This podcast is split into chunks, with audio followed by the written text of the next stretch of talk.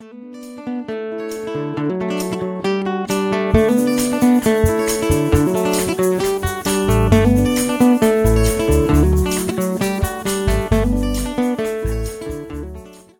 förskolor och skolor har olycksfallsförsäkringar för barnen på skoltid.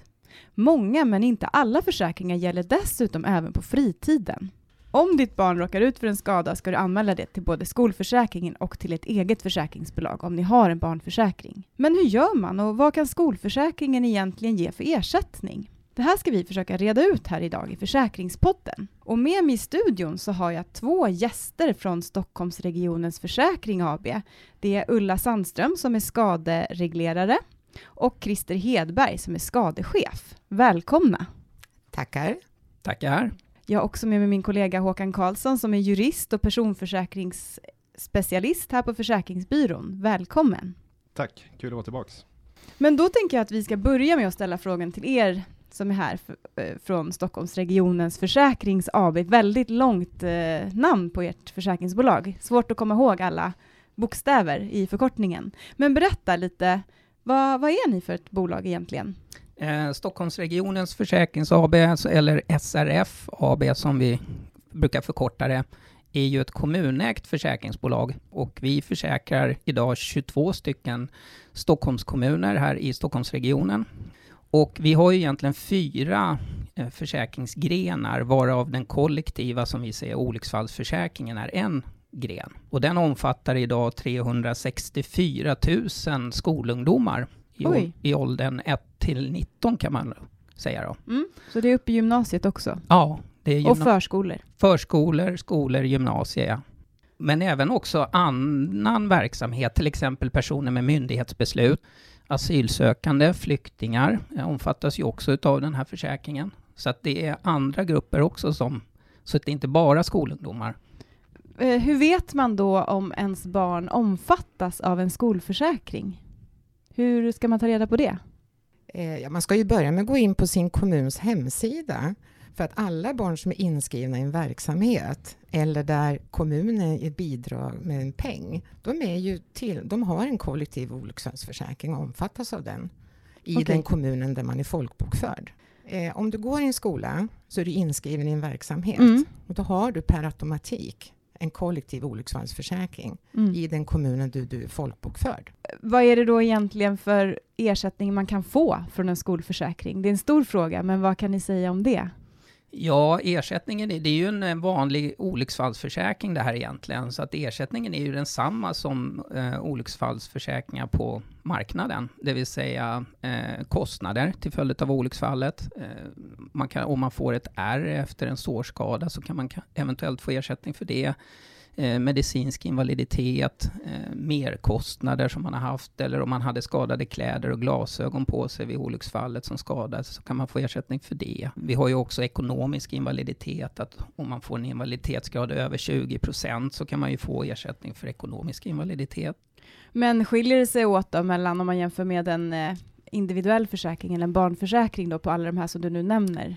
Eh, där kan det ju skilja lite grann att vi har kanske ett annat försäkringsbelopp som man utgår ifrån när man beräknar ersättningen. Har man en privat individuell olycksfallsförsäkring så är ju kanske de beloppen oftast lite högre. Mm. Och R som du nämnde, ersätter ni redan på framträdande nivå eller krävs det liksom mer allvarliga R för att man ska få ersättning? Alltså vi, hade för, vi ändrade våra villkor från 2021 och från och med nu så ersätter vi från framträdande R. Mm. Och tidigare var det vanprydande. Så då var det att vi avböjde en hel del skador. Nu är det ju sällan som vi avböjer, utan har man varit med om en sårskada som har tejpats, limmats eller sytts av mm. behörig vårdpersonal och det inte är framträdande så har man ändå rätt till en schablonersättning med mm. 2000 kronor. Så det känns som att de flesta kommer ändå att få en viss ersättning. Mm. Men det är, det är, inte de här skrubbsåren när man ramlar och slår sig på skolgården, även om de kan bli ganska allvarliga, utan det kräver att det, man har fått läkarvård. Exakt. Eh, och du var inne lite på försäkringsbeloppet där, funderar på, för du sa ju, ni hade ju redan från, från förskola upp till gymnasiet, är det samma belopp som tillämpas på ja. hela den gruppen? Ja. ja, så det skiljer inte någonting emellan egentligen grupperna, barngrupperna, så, utan det är samma försäkringsbelopp på alla. Vi har ju en egen R-tabell idag, så att idag är det liksom ingen... Du får ingen nedskrivning för att du fyller ett visst, en viss, eller får en viss ålder. Utan är du 10 eller om du är 20 så får du samma ersättning. Mm. Mm. Och hur, hur gäller era försäkringar? Alltså gäller de dygnet runt? Ja, de gäller dygnet runt, eller heltid som vi säger. Så Mm. att, eh, är man på semesterresa och skadar sig i fjällen till exempel, så omfattas man av den här försäkringen också, och den gäller. Mm. Och sommarlovet? Sommarlovet likaså. Ja. Mm. Och eh, slår man sig i pulkabacken, då gäller den även då alltså? Ja, jajamän. Mm. Det är nog få som känner till det, att man omfattas av en skolförsäkring på det sättet. Däremot så omfattar det ju inte om man åker utomlands och skadar sig utomlands. Det är Nej. också väldigt viktigt. Mm. Om du är ute på en skolresa som anordnas av skolan, då har du ett skydd i 60 dagar. Men om du åker med familjen på en semesterresa och skadar dig, då får du vända dig till din hemförsäkring och dess reseskydd. Mm. För då är det ingen kostnad som vi ersätter. Nej. Eller barnförsäkringen Ja, eller en olycksfallsförsäkring Mm. i annan form. Väldigt bra att du sa det. Tänkte bara om ni märker av det här med att man kanske inte har full koll på att den gäller på fritiden. Om ni kan se liksom på den typen av skador ni får in, om det är lika många som har skadat sig på fritiden som på skolan eller om det är liksom övervikt till de som har slagit sig på, på skolgården eller så. Nej, det där är ju övervägande del under verksamhetstid Ja, som vi får in. Vi får inte så många frågor kring just hur försäkringen gäller, om det är på heltid eller inte, utan vi har ju harmoniserat det här 2019. Då var det lite olika mellan våra kommuner, men vi ville ha att alla hade, skulle ha samma, eh, samma villkor, så att säga. Så därför harmoniserade vi det här, så att alla våra kommuner har under heltid. Och, eh, det ska ju också framgå på vår hemsida och när man, i våra villkor också, när man söker på det. Då. Men Mm. vi får inte så många frågor på det. Nej, däremot så informerar ju vi alltid att du ska anmäla skadan till den privata försäkringen när Mm. vi får en anmälan. Och eh, oavsett vad så skriver har du någon privat försäkring så ska skadan även anmälas till dem. Och det förstår de inte alla gånger. Mm. Nej, men det är ju många som inte känner till det, att man faktiskt kan få ersättning både från, alltså man kan få e- ersättning från flera försäkringar för samma skada. Det tror jag många har missat. mm. Även fast vi nästan tjatar om det här i Försäkringspodden så, och på vår webbplats så är det ju så. ja absolut. Vilka är de vanligaste skadorna då som anmäls till er? Kan man säga det? Ja, det är ju sårskador där vi gör R-bedömningar. Mm. Eh, Så det är ju varje vecka, det är rätt mycket R-bedömningar.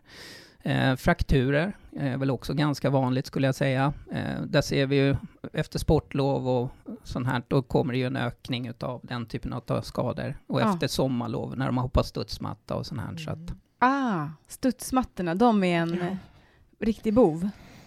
Och då finns det ju ett behov av skolskjuts för de som då går upp till nian eller de går gymnasiet. Och bryter ett ben så kan du inte ta dig till skolan på samma sätt. Och eh, då begär vi in ett intyg från behandlande läkare. Och sen eh, så tar vi kontakt med taxibolag och Mm. bokar en skolskjuts. Men det är alltså inget som skolan bekostar, utan det bekostas av försäkringen, eh, skjutsen till och från skolan. Men det jag skulle bara lägga till, Ja. det måste vara ett olycksfall i grunden för att vi ska kunna godkänna behovet av skolskjuts. Så det får inte vara ett behov av en skolskjuts om man liksom har en sjukdom eller om man Nej. gör en operation. Mm. Utan det måste vara ett olycksfall i grunden. Du nämnde det här med ärren. Eh, är det så att man eh, ringer till er och berättar hur ärret ser ut, eller måste man skicka in bilder? Nej, eh, en R-bedömning går ju till så att när det har gått runt ett år efter själva händelsen eller olycksfallet, eller det kan ju vara den senaste operationen, så brukar vi begära in nytagna R-bilder. Och då ska det ju vara R-bilder som visar ärrets utseende och placering, även en bit ifrån, så att Mm. vi kan liksom bedöma hur framträdande det här ärret är då. Och så gör vi en bedömning utifrån det. Men de bilderna kan man ta själv hemma med sin mobilkamera? Ja, det, det, det tar de själva med sin egen mobilkamera. Mm. De är ju så bra idag, mobilkamerorna, så de tar ju väldigt bra bilder. Mm. Och skulle det vid något enstaka fall att vi är osäkra så kan vi ju också begära en kopia av journalen. Det som vi också gör, det kan man ju tänka så här att hur bedömer man då? Hur finner man vilken nivå? Och vi brukar hänvisa till Trafikskadenämndens R-tabell. Mm. Där finns det tydliga bilder. Och eh, är det så då att målsman är missnöjd med vår bedömning, då kan ju vi hänvisa till den sidan för att de också ska förstå Mm. varför vi har kanske bara lämnat en schablonersättning istället för en högre ersättning. Hur ska man nu rent praktiskt göra då, när man gör en anmälan till skolförsäkringen? Ska man kontakta skolan eller hur går det till? Kom- kommunen? Hur gör man själva anmälan? Eh, Själva anmälan görs enklast via vår hemsida. Mm. Eh, Där har vi idag ett digitalt formulär som man fyller i och signerar med sitt bank-id.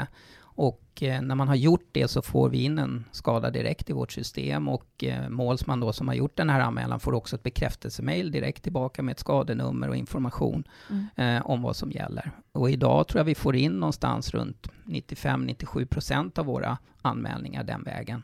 Sådana här skolförsäkringar finns ju inte bara i Stockholm, de finns ju i hela landet och de har ju, och som jag har förstått det så har de, är de ju uppbyggda på ungefär samma sätt. De flesta gäller också dygnet runt, om inte kommunen då eller skolan har valt någonting annat.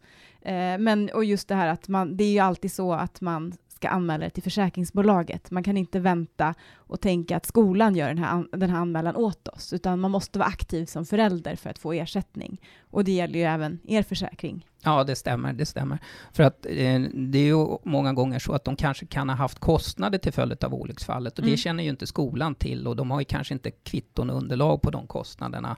Och de vet heller kanske inte riktigt vad läkaren sa vid läkarbesöket, så därför är det ju viktigt att målsman är den som gör anmälan, Mm. så att vi får med all information också. Och sen också att målsman får information om, vad det är som gäller fortsättningsvis då, eh, vilken ersättning som barnet kan räkna med och nästa steg kanske i skaderegleringen och vad det kan handla om. Skolan gör ju oftast en incidentrapport om det är saker och ting som händer på en skola. Det vill säga läraren och de, det finns i alla fall noterat en händelse. Och då tror ibland målsman att, att det är anmälan som lämnas till oss. Mm. Det är ju, målsman är ju ansvarig för sitt barn så att det är Ja. alltid målsman som får anmäla. Eller om man har själv fyllt 18 år då. Då är Ja. man ju myndig. Mm. Ja, precis. Då, då kan man inte förlita sig på att föräldrarna ska göra anmälan. Eh, Ni, ni sa ju innan här, det här är egentligen en, en olycksfallsförsäkring, ersätter olycksfall och inte sjukdom. Eh, och olycksfallsbegreppet vet ju vi från vår vägledning att det inte är helt lätt att förklara eller kanske förstå. Men stöter ni på det mycket att man, bara för att det kanske har hänt någonting på skolgården så f- tror man att det alltid måste röra sig om ett olycksfall. Men blir det där någon, någon diskussion? Ja, det Ofta kan bli er. diskussioner det här med de som till exempel om går på ett gym och tränar och lyfter och sträcker dig, får en muskelsträckning. Eh, Det är ju inte ett olycksfall. Det är en olyckshändelse, men det är inte ett Mm. olycksfall enligt det begreppet. Mm. För det ska ju vara plötslig, oförutsedd, ofrivillig Mm. och ett yttre våld. Ja. Och eh, det kan vara svårt ibland för folk att se skillnad. Mm. Så att, eh, det, det, men det är inte ofta det blir diskussioner. Nej, jag tycker vi är duktiga på att förklara olycksfallsbegreppet och eh, vad det är som gäller. Mm. Mm. Några vanliga misstag då när man anmäler till er? Kan ni se någonting när man anmäler till sin skolförsäkring att man gör fel på något sätt? Alltså om du skulle missa att ställa, alltså svara rätt på en fråga. Mm. Vi, vi har ju ändå kontakt med målsman. Och vi gör ju en skälighetsbedömning, vi tar in en journal, vi tittar vad var det för händelse egentligen. Så att om du har skrivit att du har fått en spricka när du har fått en fraktur, du kanske använder andra ord, Mm. så rättar vi ju till det. Okej, det är inte jättefarligt om man, Nej. om man formulerar fel. Nej. Nej. Och ni begär alltid in en journal eller för att inhämta, eh, alltså ni, ni begär alltid in en fullmakt för att inhämta journaler? Eh, nej, det gör vi inte alltid, utan det är ju från fall till fall utifrån den specifika skadan i sånt fall, där vi ser att vi, behöver det för att kunna göra en bedömning. Eh, I de allra flesta fall så gör vi det ju inte i början, utan det blir ju kanske vid ett senare läge, eller där vi ser att det kanske är lite oklarheter kring skadan som har uppkommit. Mm. Knäluxationer kan ju vara en sån där som vi pratade om idag, Mm. lite lurigt, eh, som kan vara ett olycksfall, men det kan också vara någonting annat. Ja. Det som jag tycker är viktigt är liksom att du har faktiskt möjlighet som målsman att begära ut journalen. Mm. Du, går in på, du kan också gå in via Vårdguiden 1177 och som målsman skriver in sitt personnummer och sen skriver man begära journal och skriver barnets personnummer. Mm. Och det kan du göra upp till barnet är 12 år. Mellan 12 och 18, det är där problemet Ja. ligger. Det är där vi får skicka ut fullmakter. Just ja. ja, det har jag egen erfarenhet av. Det är svårt att få ut från sina tonåringar. Där är det speciella eh, regler för hur man gör när man ska begära ut det. Det här med försäkringsersättning, det är ju väldigt krångligt och svårt att få överblick av hur det går till. Hur, när har man rätt till ersättning och vilken ersättning har man egentligen rätt till? Och då undrar jag, är det så att man behöver ett ombud, ett juridiskt ombud för att uh, få rätt ersättning? Nej, det behöver man inte, utan eh, vår uppgift är att hjälpa den skadade eller målsman att förstå vilken ersättning som de är berättigade till i det specifika fallet. Och där försöker vi vara så tydliga som möjligt med att lyfta fram just i, i deras barns skada, vilken ersättning som kan utgå. Mm. Så här ska man verkligen inte känna att man behöver ett ombud, utan vår uppgift är ju att hjälpa och se till att de får den ersättningen de är berättigade till. Mm. Man behöver inte känna till att jag vill ha jag vill ersättning för eh, bestående men och för inkomstförlust, utan, eh, nej, det, utan det, det, det har ni koll på. Ja, och inkomstförlust ersätter nej. ju inte den här försäkringen. Ekonomisk invaliditet Ekonomisk menar jag. invaliditet, nej, mm. exakt, utan vår uppgift är ju verkligen att utreda och se till vilken ersättning de ska, ska få utifrån sin skada och vi gör ju alltid en slutlig bedömning sen när det har gått en tid efter olyckan och då gör man ju en översyn av skadan och tittar, mm. har de fått en ersättning de ska ha? Eh, är det någonting som vi ska komplettera med? Mm. Eh, och vi informerar ju också löpande om det här med kostnader och jag tänkte ju säga det, kostnader är ju en sak som du kan ju bara få det från en försäkring. Mm. Men det som är viktigt är ju liksom att om, om vi ser att här skulle det kunna ha uppstått kostnader, mm så informerar vi alltid det i våra brev. Mm. Och eh, dels får du en information och sen så får man ett startbrev och sen så får man oftast ett till brev. Så då kanske man har läst det tre gånger. Och då borde man ju förstå att här kan man ju faktiskt få ersättning. Men det är ju ofta barn som drabbas. Vad kan det bli för kostnader? För både sjukvård och medicin är ju gratis. Det kan vara resekostnader till och från vårdgivaren, parkeringskostnader, eh, akutbesök. Eh, ja, det kostar även för barn? Ja, 140 kronor får man betala oftast för det. Eller andra kostnader som uppkommer där. Mm. Oftast är det skadade kläder till exempel och det kanske bara lite ja. nedblodade kläder. Och då, en del kanske vill ha ersättning ja, för klädernas värde. Och saken är den att det kanske går att bara lämna in för en kemtvätt. Då kan mm. vi ju stå för kostnaden för en kemtvätt istället. Om man skulle behöva olika typer av hjälpmedel då, liksom för att underlätta om man har någon skada som begränsar, är det också någonting då som man kan Exakt. få ersättning för? Ja, det stämmer. Vi har ju den här rehabiliteringsersättning. Så är det så att man behöver ersätt, äh, hjälpmedel äh, som inte då kanske är där man får betala en kostnad till landstinget för dem, så har man rätt att få ersättning för det också. Det är ju det att det ska ju vara en ordination från behandlande läkare om att man är i behov av ett sådant hjälpmedel. Det kan ju vara vad som helst egentligen, men det är just den här ordinationen, att det ska framgå. Mm. Ja, det är jättebra att höra. Vi blir ju kontaktade av många konsumenter som vi märker missar att det finns en skolförsäkring och inte känner till det. Men jag tänkte om vi ska gå över till det här till dig Håkan, mm. eh, barnförsäkring då? Då kanske man inte behöver någon barnförsäkring om man nu vet om att ens barn omfattas av en skolförsäkring, eller vad säger du om det? Ja, det där kan ju vara eh, kanske ett vanligt missförstånd, men här får man ju komma ihåg att det är egentligen två olika försäkringar som man, man pratar om. Skolförsäkringen här som vi är inne på, det är ju en olycksfallsförsäkring, så det finns ju betydande skillnader mellan en, en sån och en egen barnförsäkring. Då. Och den viktigaste skillnaden är väl just att man i en barnförsäkring även får ersättning för sjukdomar. Så att den täcker både det. sjukdom och olycksfall. Mm. Våran rekommendation, om man får säga så, eh, har ju alltid varit att oavsett om man har en skolförsäkring eller inte, så ska man ju även teckna en egen barnförsäkring. Eh, helst en individuell, men, men annars en gruppförsäkring mm. kan man ju också ha. Så att barnet har ett fullgott skydd främst då vid sjukdomar. Ja. ja. Men och när det kommer då till skolförsäkringar som vi ändå får in en hel del frågor om, kan du säga någonting om vilka som är de vanligaste frågorna eller klagomålen kring skolförsäkringar? Ja, det kan ju vara att man har en förväntning eh, liksom på att de här ska liksom ersätta samma eh, i storleksmässigt så att säga. Men eh, som vi var inne lite på tidigare med försäkringsbelopp, det väljer du inte själv i din skolförsäkring, utan det gör du ju bara i barnförsäkringen och då kan du ju välja ett ett relativt högt belopp erbjuder de allra flesta bolagen och det i sig gör ju att om du får en, en invaliditetsgrad på viss procent så kommer du få en högre ersättning sannolikt från din barnförsäkring om du har ett högre försäkringsbelopp där. Så det kan ju vara en, en fundering många har och kanske tror att det är fel då för att man får lite lägre ersättning från den ena försäkringen.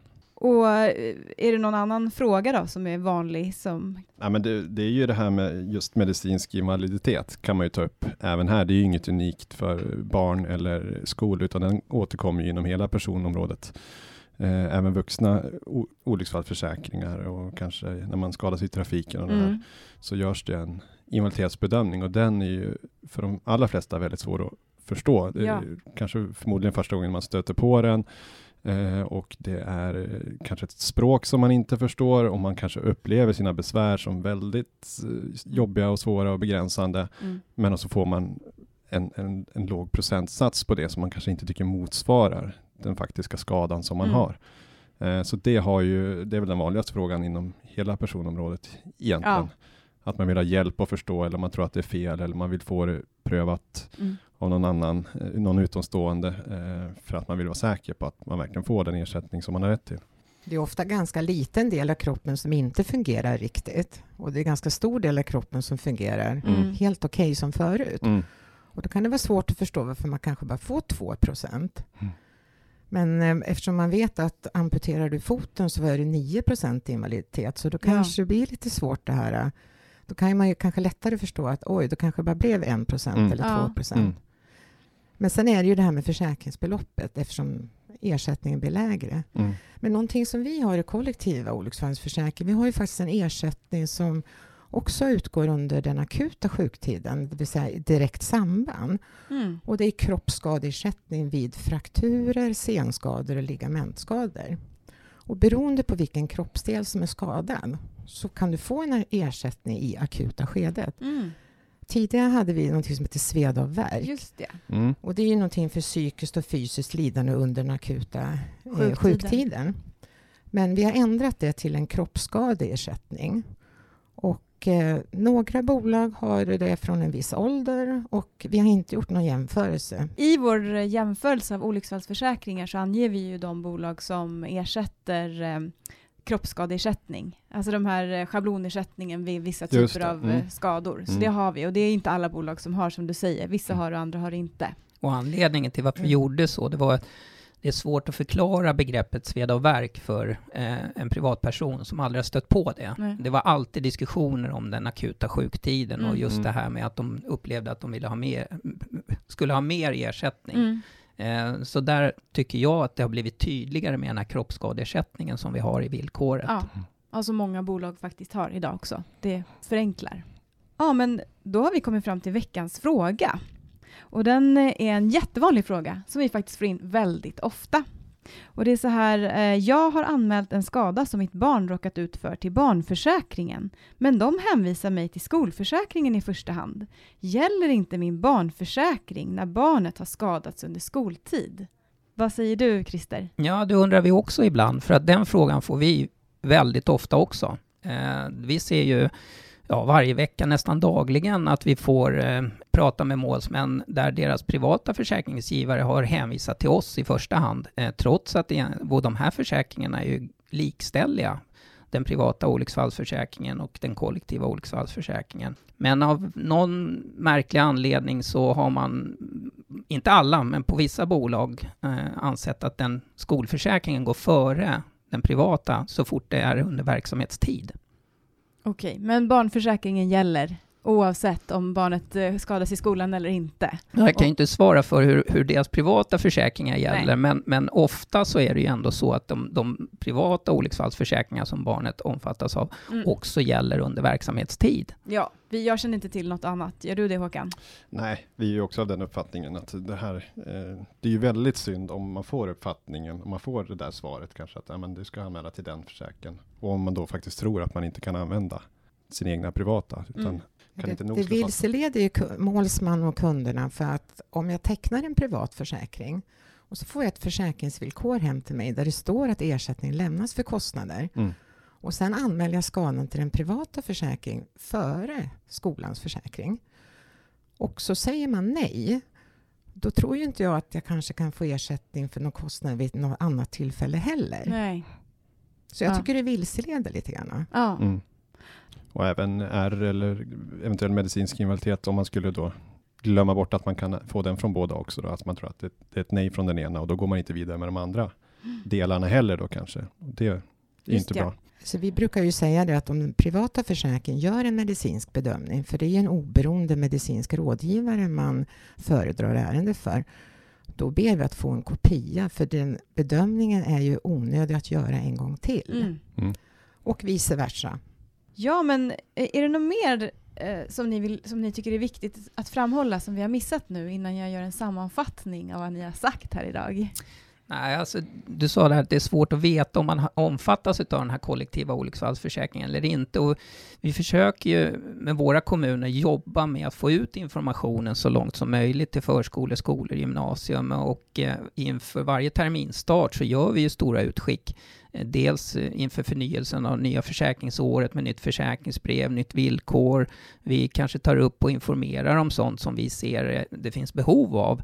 Och, och vi trycker verkligen på att de ska lämna den informationen till målsman eller då de som omfattas av försäkringen. Men det, är, det här kommer ganska långt ner på, på deras agenda och det är ju kanske först när det händer någonting som det blir aktuellt, ser man. Mm. Och då kommer ju många gånger frågorna, men vi jobbar ju mycket med att försöka få ut den här informationen så långt som möjligt. Och också inför varje förnyelseår så skickar vi det här centralt till alla försäkringsansvariga och de ska ju lägga ut det på sitt intranät och hemsida. Så att, eh, ja, vi hoppas väl att det så småningom börjar sätta sig det här med vilka försäkringar kommunen har tecknat. Och det bästa är ju om de kan kontakta oss innan de frågar lärare och rektor, vilken ersättning kan jag få? För det är ju trots allt vi som kan svara på den frågan om man anmäler. Mm. Och vi kan ju inte svara innan vi får in en anmälan egentligen. Vi måste ju veta vad är det för händelse, vad är det som har hänt, vilken personskada uppkom? Ja, det är väldigt svårt för lärare och rektor att svara på den frågan. Och de har ju fullt upp med annat. Ja, men då ska jag försöka sammanfatta vad ni har sagt här idag. Och eh, den första det är det att kontakta din kommun i första hand och hör efter vilken försäkring ditt barn omfattas av. Eller kontakta åtminstone din skola och kolla, hör efter. Du kan anmäla en skada både till skolförsäkringen och barnförsäkringen och få ersättning från flera håll. Och många skolförsäkringar gäller dygnet runt. Och det gäller ju bland annat då Stockholmsregionens Försäkring AB. Du behöver inte ta hjälp av ett ombud för att få rätt till ersättning, utan försäkringsbolaget har ett utredningsansvar och det räcker med att du anmäler din skada dit. Så sköter försäkringsbolaget resten. Det var allt för det här avsnittet. Eh, Gå gärna in på konsumenternas.se och läs mer om eh, olika typer av frågor du kan ha om försäkringar. Och tipsa gärna vänner och bekanta och kollegor om den här försäkringspodden där vi har massor med olika avsnitt nu med intressanta frågor om försäkringar. Tack så jättemycket för att ni kom hit idag. Tack för att vi fick komma. Tackar. Tack.